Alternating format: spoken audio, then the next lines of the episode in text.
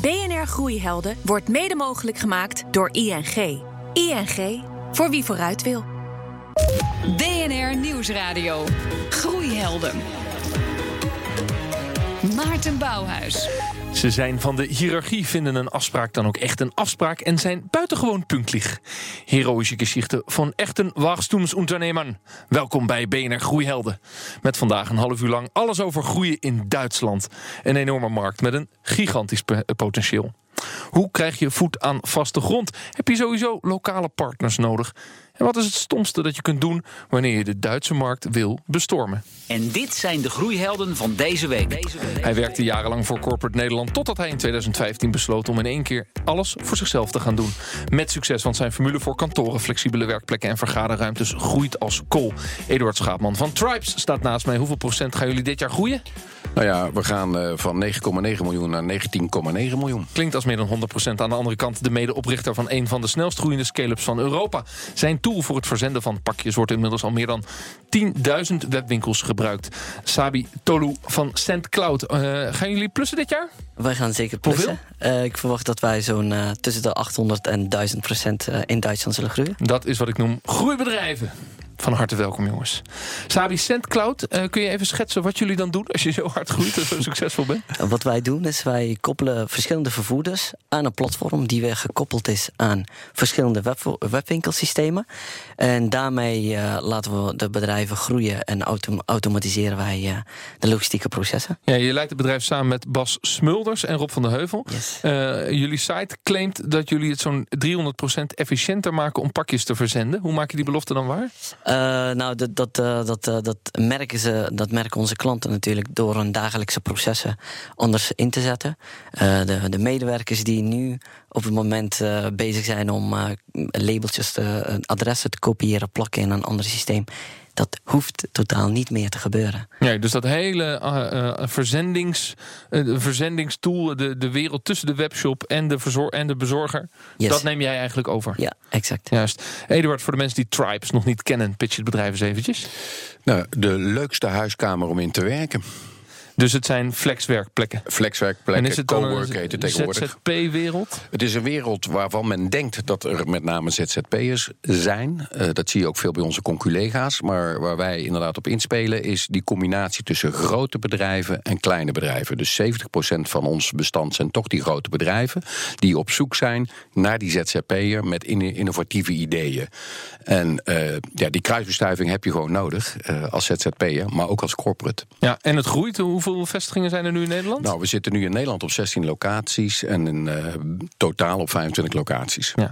We, we gaan dus uh, naar Duitsland toe. Daarom hebben we jullie uitgenodigd, omdat jullie allebei die stap over de grens hebben uh, gezet. En jullie zeggen: we vinden het leuk om onze ervaringen te vertellen met onze Oosterburen. ja, dan, dan is de enige logische startvraag: waarom zou je überhaupt naar Duitsland toe gaan, Sabi? Uh, voor ons is Duitsland een van de grootste e-commerce uh, markten in de EU. Dus nee, is dat zo? Want ik dacht dat de Duitsers nog best een beetje achterlopen met online shoppen. Nou, het, het is uh, qua, qua per inwoner hebben ze een lagere ordewaarde. maar omdat de populatie zo groot is en hoog is, dan zie je toch wel meer orders vergeleken met Nederland, laat ik zeggen. Of, ja, het is natuurlijk een enorme markt, en bijna yes. 90 miljoen uh, Duitsers. Uh, en uh, mist wat jij biedt, waarom je ook zo hard kunt groeien, ook in de Duitse markt? Is er geen Duitse concurrent? Uh, er, zijn, uh, er zijn concurrenten, alleen uh, um, het gaat, in ons geval gaat het meer om dat wij me meer de lagere segment, dus lage middensegment pakken. En voor hoogsegment zijn er inderdaad oplossingen. Daar. Maar met hoogsegment bedoel je de hele grote webshops? Ja, de dus, Coolblues van deze wereld? Ja, een soort van Coolblues, de Zalando's, die, die, die, die Dat zijn geen zelf. klanten van jou? Nee, nee, nee. nee die nee. doen dit zelf. Eduard, jij richtte de internationale expansie eerst op België en daarna pas Duitsland. Waarom eerst de Belgen?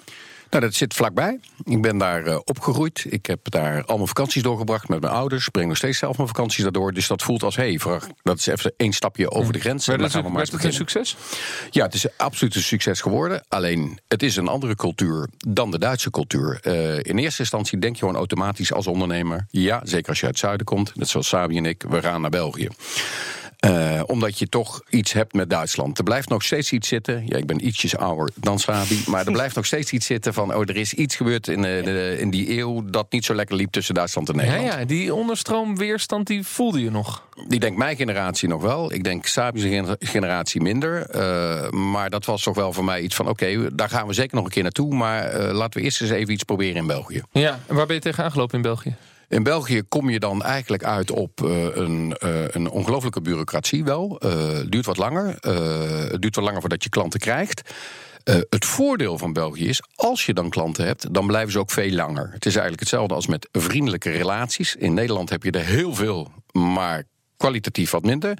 Als je vrienden hebt in België, zijn het er altijd minder, maar kwalitatief veel hoger. Ja, uiteindelijk ben je naar Duitsland toe gegaan en ben je in Düsseldorf begonnen. Waarom Ja. in Düsseldorf? Nou, we hadden wat eh, conculega's, noem ik het niet. Maar er hadden wat andere bedrijven die ik kende. Een Albert Heijn To Go en ook eh Picnic. Die inderdaad dachten van... hé, hey, eh, veel beter in de logistiek. Van het is veel slimmer om in eerste instantie in Düsseldorf te gaan beginnen. Waarom?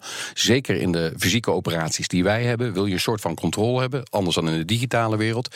Düsseldorf is gewoon vanuit Midden-Nederland in twee uur te bereiken. Brussel, daar doe je zeker drie uur over. Dus uiteindelijk is dat echt best wel dichtbij. Dus het is een soort van veilige keuze. Of is Düsseldorf in die zin een beetje een Nederlandse enclave... waar heel veel Nederlandse ondernemers het maar gaan proberen? Dat klopt. Er zitten wel heel veel Nederlandse ondernemers die het daar ook gaan proberen. Die hebben we daar ook eh, echt wel als klant. Maar je wilt toch inderdaad safe zijn en kijken van wat, wat is die markt en hoe zit die markt in elkaar. Eh, daar zijn we dus in, eh, in februari geopend van dit jaar. Eh, maar al heel snel eh, zijn we ook gelijk doorgestoten naar eh, Frankfurt. Eh, om je een, een, een idee te geven. In 2016 eh, kwamen we in België. Deden we het eerste jaar drie ton omzet. Nu zijn we in eh, Duitsland en we doen het eerste jaar een miljoen omzet. Ah ja, dus, je, dus, dus Duitsland is al een groter succes dan België. Ja, waar, je, klopt. waar je hard Ja. naartoe ging en Ja. waar je uit een soort van logische overweging eerst wilde beginnen. klopt. Bouw je ervan dat je überhaupt geld in Bel- België hebt geïnvesteerd? Nee, want eh, we, we halen er ook mooie revenue uit. Plus, je hebt natuurlijk te maken met grote corporates die willen dat je overal vertegenwoordigd bent. Dus je surft daarmee ook wel je totale netwerk aan corporates die ook zeggen van hé, hey, we zitten hier in Amsterdam, maar we willen ook in Brussel iets hebben. Ja, nu is wat jij biedt heel erg locatiegebonden. Eh Sabi, hoe werkt dat voor, voor jouw keuzes? Waar, waar ben je begonnen in Duitsland? Hè? Ik bedoel, webwinkelen, online shoppen, ja, dat, dat is toch een soort van global market. Ja, wij, eh, wij serven eigenlijk heel Duitsland. En dat doen we vanuit München. En eh, we hebben, om eerlijk te zijn, we hebben München gekozen... omdat toen de tijd een van onze country managers... eh, die, eh, die kwam uit München. Dus eh, voor ons was eigenlijk de keuze heel makkelijk om maar weer... eh, Maar je, had dus, je hebt dus eerst een country manager geworven. ja, en, en, en dan maar eens kijken waar zijn leven zit. Met, met zijn sociale contacten. En denk, nou laten we maar gaan zitten waar hij woont. Ja, nou, eh, het, was, het was namelijk ook eh, eh, die jongeman die, die sprak Duits en Nederlands. En het was voor ons, de, ah, de drempel was natuurlijk veel lager qua communicatie. En wa- waar loop je tegenaan als je dan die Duitse markt wil veroveren? Wat, wat, wat is- Ja, nu, eh, nu is het, eh, op dit moment lopen wij heel erg tegenaan om, eh, om eh, echt hele goede mensen te vinden. Maar ik denk dat heel veel bedrijven daar, daar tegenaan lopen. En aan de andere kant. Gesprek heb ik heel vaak met Nederlandse ondernemers in Nederland. Maar dat is in Duitsland niet anders, Het begrijp is ik. in, in, in Duitsland, in ieder geval in München, is het, eh, is het eh, echt een hel. Eh, qua, qua salarissen en eh, de voorwaarden die, de, die de, eigenlijk de employees vragen. Dat is, heb dat je dan is, toch niet gedacht, we hadden in een andere stad moeten gaan zitten? Wij hebben daar wel aan gedacht, maar eh, ja, goed, als je eenmaal gevestigd bent, is het heel erg moeilijk om weer. eh, Ja, maar die analyse heb eh, je dus niet gemaakt. eh, Nee, nee, nee, nee. nee. We, we hebben zeker. Kijk, eh, wij waren natuurlijk jong, we hadden al die, al die ervaring niet. Dus we dachten, weet je wat, we gaan gewoon lekker in Duitsland zitten. Eh, we nemen een country manager aan. Hier, hier heeft hij de tools en die moet het maar voor elkaar krijgen. Ja, maar goed, je, kunt, eh, je hebt, je hebt eh, wat, voor, wat voor personeel heb je nodig? Ook technisch personeel, hoogopgeleid technisch personeel. Eh, nee, we hebben eigenlijk. eh, marketing en sales, eh, eh, jongens. ja, het is marketing en sales inderdaad. Ja, maar je hebt dus geen analyse gemaakt. Er zijn zeven, zeg maar zeven, acht grote Duitse steden. Mhm. Van waar zou ik nou die mensen het beste kunnen vinden? Nee, nee, we hebben we totaal niet gedaan. We zijn, eh, ja, wat dat betreft hebben we wel. Maar gewoon erin gedoken. Ja, ja, Hoe, ja. hoe werkt dat bij jullie business eigenlijk? Want jij kijkt dus naar een locatie van ja, daar, daar, zit, daar is een behoefte aan flexplekken. Dus daarom ga ik daar zitten. Je gaat nu naar Frankfurt toe, omdat je wil samenwerken met nou grote Europese bedrijven die ook allemaal een vestiging in Frankfurt eh, hebben. Is personeel bij jullie in afweging om ergens wel of niet te gaan zitten? Nou, eh, we hebben het geluk dat we inderdaad een hippe uitstraling hebben. Dus het personeel werven voor ons is geen probleem. We zijn in eerste instantie begonnen. eh, Je hebt wel een ander type personeel nodig. hè? maar ook marketing en sales eh, jongens. Marketing en sales jongens. Ja, maar En, ook eh, gewoon eh, ondersteunende staf, horeca en, en schoonmaken. dat heb je ook nodig. Ja, ja nee, de, de, op dit moment, als ik kijk naar de drie landen waar we nu in gevestigd zijn, is het eh eh recruiten, het aannemen van mensen in Duitsland, het op dit moment ja, gaat snel. Overigens zijn wij wel eerst begonnen met Nederlanders in Duitsland die Duits spraken.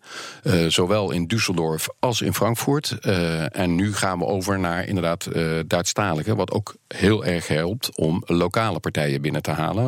Want we hebben natuurlijk met name ook wat jij al aangaf... in Düsseldorf Nederlandse partijen binnengehaald. En in Frankfurt ongeveer iedereen die uit Londen naar Amsterdam wilde. Maar ja, de regelgeving in Amsterdam niet leuk vond. Dus naar Frankfurt wilde. En die kenden wij. Dus het is een soort logische puzzel. Ja. En je bent ook Ja. in Londen geweest om met dat Ja. soort partijen te Praten. En die zeiden van, kom je ook naar Frankfurt toe? Nou, we hadden een aantal Maar is aanvragen. Nederland, na de brexit is Nederland zich een beetje aan het verkopen in, in, nee, in Londen? nee, nee, totaal niet. Wat je merkt is, ik zit er al heel lang in, eh, eh, betrokken in dat netwerk in Londen. En wat ik heb gemerkt is, wij hadden aanvragen voor Amsterdamse vestigingen en zelfs voor Rotterdamse vestigingen van bedrijven uit Londen. Niet alleen Engelse bedrijven, maar ook Amerikaanse bedrijven. Die zich wilden vestigen eh, in Nederland. Eh, eh, of in Frankfurt of in Parijs. En uiteindelijk bij al dat soort netwerkgelegenheden zie je de burgemeester van Frankrijk, zie je de burgemeester van Parijs. Ik heb nog nooit een. Burgemeester van Frankfurt, sorry. uit Duitsland. Ja, ja. Ja, Macron die komt ook wel eens in Londen. maar- nee, nee, die- die is Nee, maar die burgemeesters van die steden komen daar naartoe. Frankfurt, Parijs. en, en de burgemeester van Amsterdam Halsema heb niet gezien. nooit gezien. Maar ja, Halsema heeft ook niet zoveel met ondernemers. Hè. Ik bedoel, dat, dat, dat is natuurlijk ook zo. Dus wat dat betreft... Ja, ze zal wel moeten nu toch? Of ze zeg je van, dat is toch, toch een pijnpuntje? Nou, dat is wel een pijnpuntje. Kijk naar de vastgoedmarkt. Hè. Maarten de Gruiter, die een hele discussie hier heeft gehad op BNR Radio, om te zeggen, wat moeten we doen om te zorgen dat vastgoed weer gaat bouwen? Nou ja, als je daar geen, geen oor naar hebt, dan komt het niet aan de gang. Dus ik denk echt, hè, de mentaliteit zo, voor- van een, een Duitsland is... eh, je wordt ontvangen door ambtenaren uit Düsseldorf en uit Frankfurt. Die zeggen, leuk, Kom hier, we gaan je helpen. Ik heb nog nooit een telefoontje gehad van welke ambtenaar in Amsterdam of Rotterdam. Is dat erg? Ook weer niet, want we lossen het als ondernemer wel weer op. Maar het is wel fijn als je geholpen wordt. BNR Nieuwsradio. Groeihelden.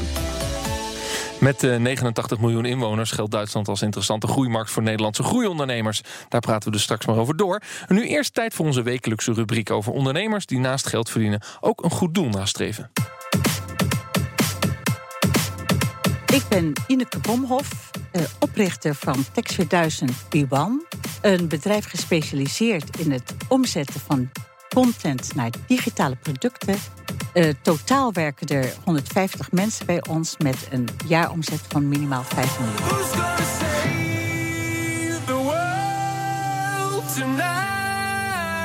Buiten mijn werk eh, is mijn grote passie de Hunger Project. Het woord zegt het al, hongerproject. De bedoeling is de honger in de wereld te bestrijden. Mijn eh, enorme passie is aangewakkerd toen ik ook zelf daadwerkelijk een bezoek heb gebracht aan India als investeerder. En daar heb gezien wat eh, de impact van het werk van de Hunger Project is.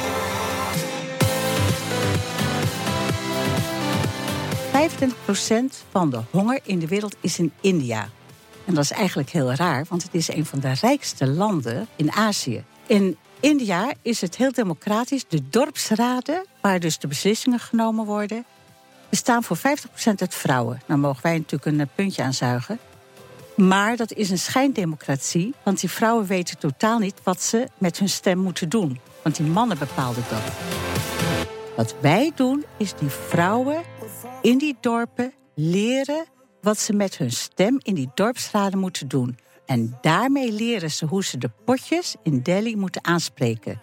Hoe ze moeten zorgen dat de potjes voor subsidie voor rijst in de dorpen komen. Hoe ze eh, toiletten in hun dorpen krijgen. Hoe onderwijs in de dorpen komen. Dat is wat we doen. Dus we geven die vrouwen kennis om zelf het probleem aan te pakken. Ineke Bomhoff van Tex 2000 over The Hunger Project. BNR Nieuwsradio. Groeihelden. Mijn naam is Maarten Bouwhuis. We nemen vandaag de A12 richting Arnhem en gaan bij Zevenaar de grens over. Wat heb je als bedrijf nodig om het te maken in de Duitse markt?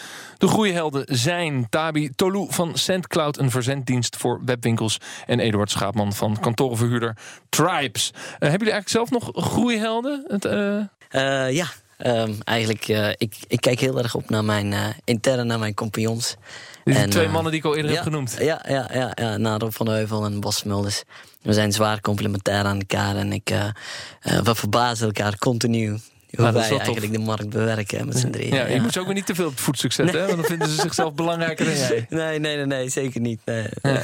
Eduard, groeihelden of ondernemershelden? Eh, geen ondernemershelden. Ik kijk altijd naar de sport. Gisteravond weer een fantastische bokswedstrijd gezien op het Ben Bril Boksgala in Café of in eh, Carré. En ja, Steve Supan is een echt een fantastische bokser. En die jongens die moeten zo hard werken om dit voor elkaar te krijgen voor bijna niks. Zo gedisciplineerd, zo gestructureerd. Ik haal heel veel als ondernemers uit sporters die iets willen bereiken. Ja. We moeten het toch hebben over cultuur. Want er wordt vaak gezegd, de Duitsers zijn punktlich eh, en ze gaan niet zomaar met je in zee. Sabi, wat merk je daarvan? Ja, ik, eh, ik, eh, dat, dat, dat, dat, daar geloof ik volledig in, wat, er- wat er wordt gezegd. Want de Duitsers zijn bijzonder punklig, zoals Ja. jij en zegt. hoe heb jij dat ervaren toen je met ze wilde samenwerken? Nou, onze, mm, nou, het is in het begin. eh, ze willen heel graag weten of je daadwerkelijk hetgene doet wat je zegt. Eh, ze willen weten tot op de punt hoe iets werkt en hoe je eigenlijk de markt van de Duitsers wil toetreden. En eh, daarvoor moet je echt tot op de bodem uit gaan zoeken hoe je eigenlijk strategisch gezien zo'n zo'n samenwerking met bepaalde vervoerders aan wilt gaan. Want uiteindelijk ga je toch wel in, in de markt van de vervoerders te werk.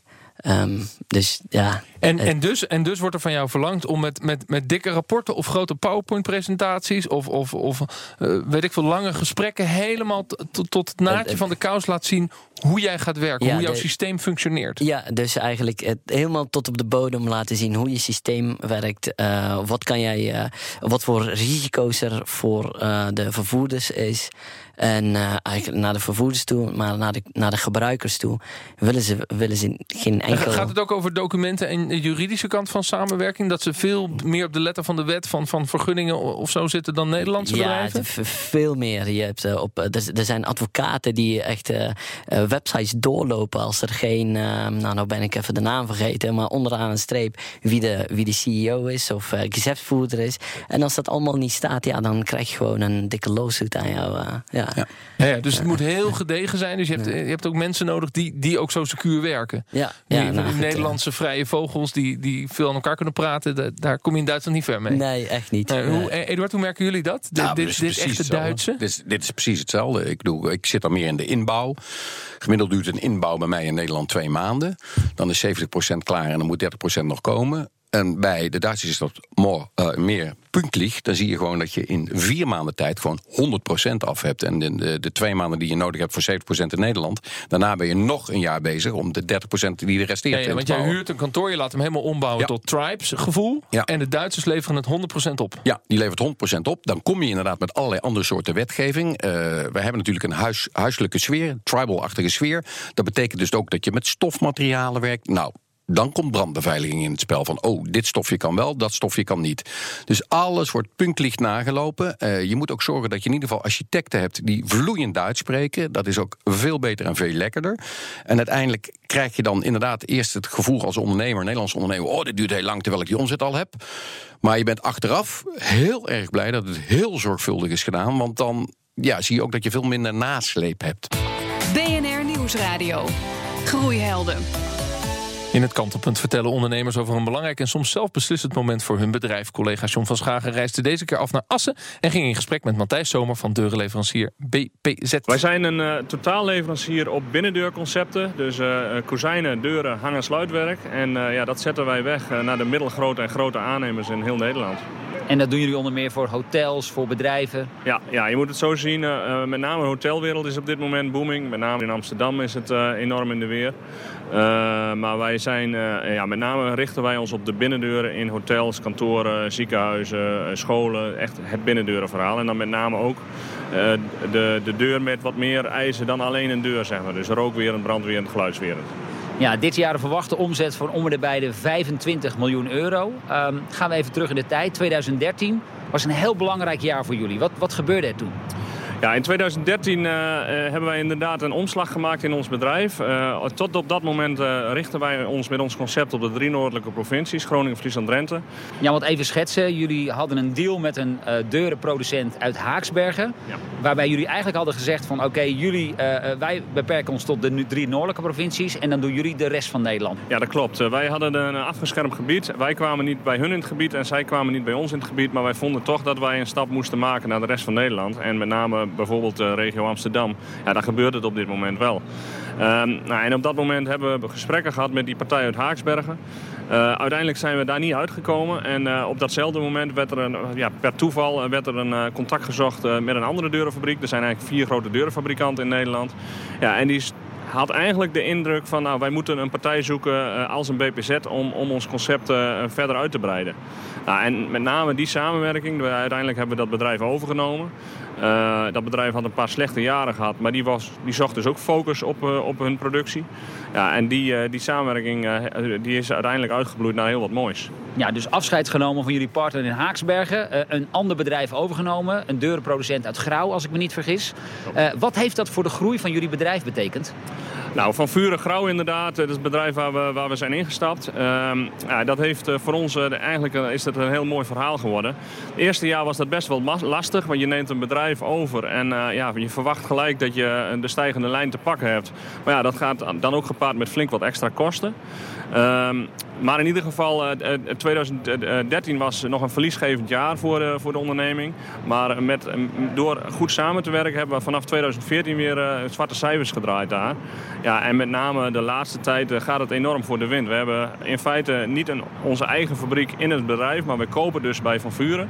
Maar wat wel weer onderdeel is van, van de familie, zeg maar. Ja, en op dat moment heb je gewoon het totaalconcept in handen. En met name de laatste jaren is dat echt wel een hele goede set geweest. Afscheid genomen van de leverancier zelf een bedrijf overgenomen en nu scorend in heel Nederland. Het verhaal van Matthijs Zomer uit Assen. Ik praat verder met de goede helden van deze week. Sabi Tolou van SendCloud en Eduard Schaapman van Tribes. Uh, ja, Eduard, jullie zijn nu actief met uh, twee kantoren. Dus uh, Düsseldorf en Frankfurt. Drie. excuus, ja, twee in Frankfurt was ja. het, hè? Ja. En wat is de groeistrategie? Nou ja, als ik je zeg dat we dit jaar 1 miljoen doen en vol, volgend jaar op die drie locaties 5. dat is dus een verviervoudiging, meer dan een vervijfvoudiging. Dus er komen gewoon veel meer huurders in? Uh, veel meer klanten. Ja. wij kennen geen huurders, we kennen klanten. Oh, klanten? Ja, ja. ja, we hebben ook geen huurcontracten, maar servicecontracten. Okay, maar ja, wij willen dat mensen geserviced worden. En huur, verhuurder is altijd veel uh, strakker. Je, je wil niet geassocieerd worden met die vastgoedmarkt? Nee, dat zijn we ook niet. We zijn een concept. Ja, dat precies. En, en, en, dus gaat het over klanten, er komen klanten bij. Welke, welke steden zijn we aan het uitrollen vanaf? vanaf het begin hebben we gezegd, we gaan naar de zeven grote steden. En we gaan dan eerst kijken, hoe lukt het dichtbij? Dan gaan we het proberen, de pilot. acting is the new way of thinking, zeggen we dan altijd. Nou, dat is geslaagd. Daardoor zijn we naar Frankfurt doorgegaan. Ook omdat we zoveel vraag voor Frankfurt hadden. Daar denkt iedereen, je gaat naar Berlijn. Nee, daar zitten al heel veel andere coworkers. Ook in Hamburg. Dus wij gaan inderdaad naar München ah. als uh, volgende zend. Want dat is een ontzettend interessante markt waar weinig coworking is. En waar ongelooflijk grote vraag is naar nieuwe coworkpartijen. Ja. Sabi, je zit in München. Heb je een leuk kantoor? Of ga je bij Eduard... Uh... Hij komt over. Klant ja, ja, wij, wij gaan, we gaan over. We zijn nu op zoek ook naar een nieuwe, nieuwe plaats. Dus, uh, oh, kijk, daar heb je een ja, tweetje. Mooie klantenkorting bedingen, dat regelen we hier allemaal. Nee, korting kennen ze niet in Duitsland. Hè? Oh, korting kennen ze niet in Duitsland? Dat is het lekkere van Duitsland. Het woord korting kennen ze niet. In Nederland hebben ze nog maar één P van de marketing mix over. Dat is price. Alles moet met korting, meer korting, meer korting. En in Duitsland is het... Eerst gaat het om kwaliteit. En dat is wel lekker. Want in principe, je kunt niet een BMW kopen voor een poloprijs. Dat snapt iedereen. Maar in Nederland proberen we altijd die BMW te kopen voor een poloprijs. En daar heb je toch alleen maar nadeel van. En Duitsers zijn niet zo met korting bezig, dus dat is lekker om, uh, om te ondernemen. Wat zie jij voor jouw bedrijf als belangrijkste kans om nu sneller door te groeien in Duitsland, Sabi? Uh, voor ons is het uh, eigenlijk heel erg kwalitatieve mensen binnen, binnen de organisatie halen. we hebben een bijzonder goede product market fit in Duitsland. Uh, het is nu echt het product meer in de markt pushen. Ja, dus je hebt, je hebt marketing- en salesmensen nodig om te zorgen dat het, dat het aan de man wordt gebracht. Ja, ja, ja, En nu groeien ontzettend hard. Je had het over duizend procent per jaar. Dat zijn enorme aantallen. Hoe werkt dat dan? Moet je webshopje voor webshopje langs om te overtuigen van hier is ons platform. En, en dan komen ze in een soort servicecontract, een software as a service Ja, het is, het is inderdaad een SaaS-model, software as a service. En um, het maakt. Um, uh, sorry, nou ben ik jouw vraag vergeten. Nee, ik zei hoe het dan werkt. Je moet dus webshop voor webshop ja, langs. Nee, nee, we gaan, we gaan, maar de, de vraag die erbij hoort, je zit in München. Doe je dat nou allemaal vanuit München? Want het is zo'n groot land. Of kun je je voorstellen dat je in Hamburg en in Berlijn ook hubs gaat nee, maken? Nee, we gaan, we, we, gaan, we gaan alles vanuit, uh, vanuit Duitsland doen. Sorry, vanuit, vanuit München, vanuit München doen. En we hebben eigenlijk niet meer andere... We hebben geen andere, andere fysieke kantoren nodig. En nee, we doen het niet shop voor shop. eigenlijk willen we zoveel mogelijk automatiseren.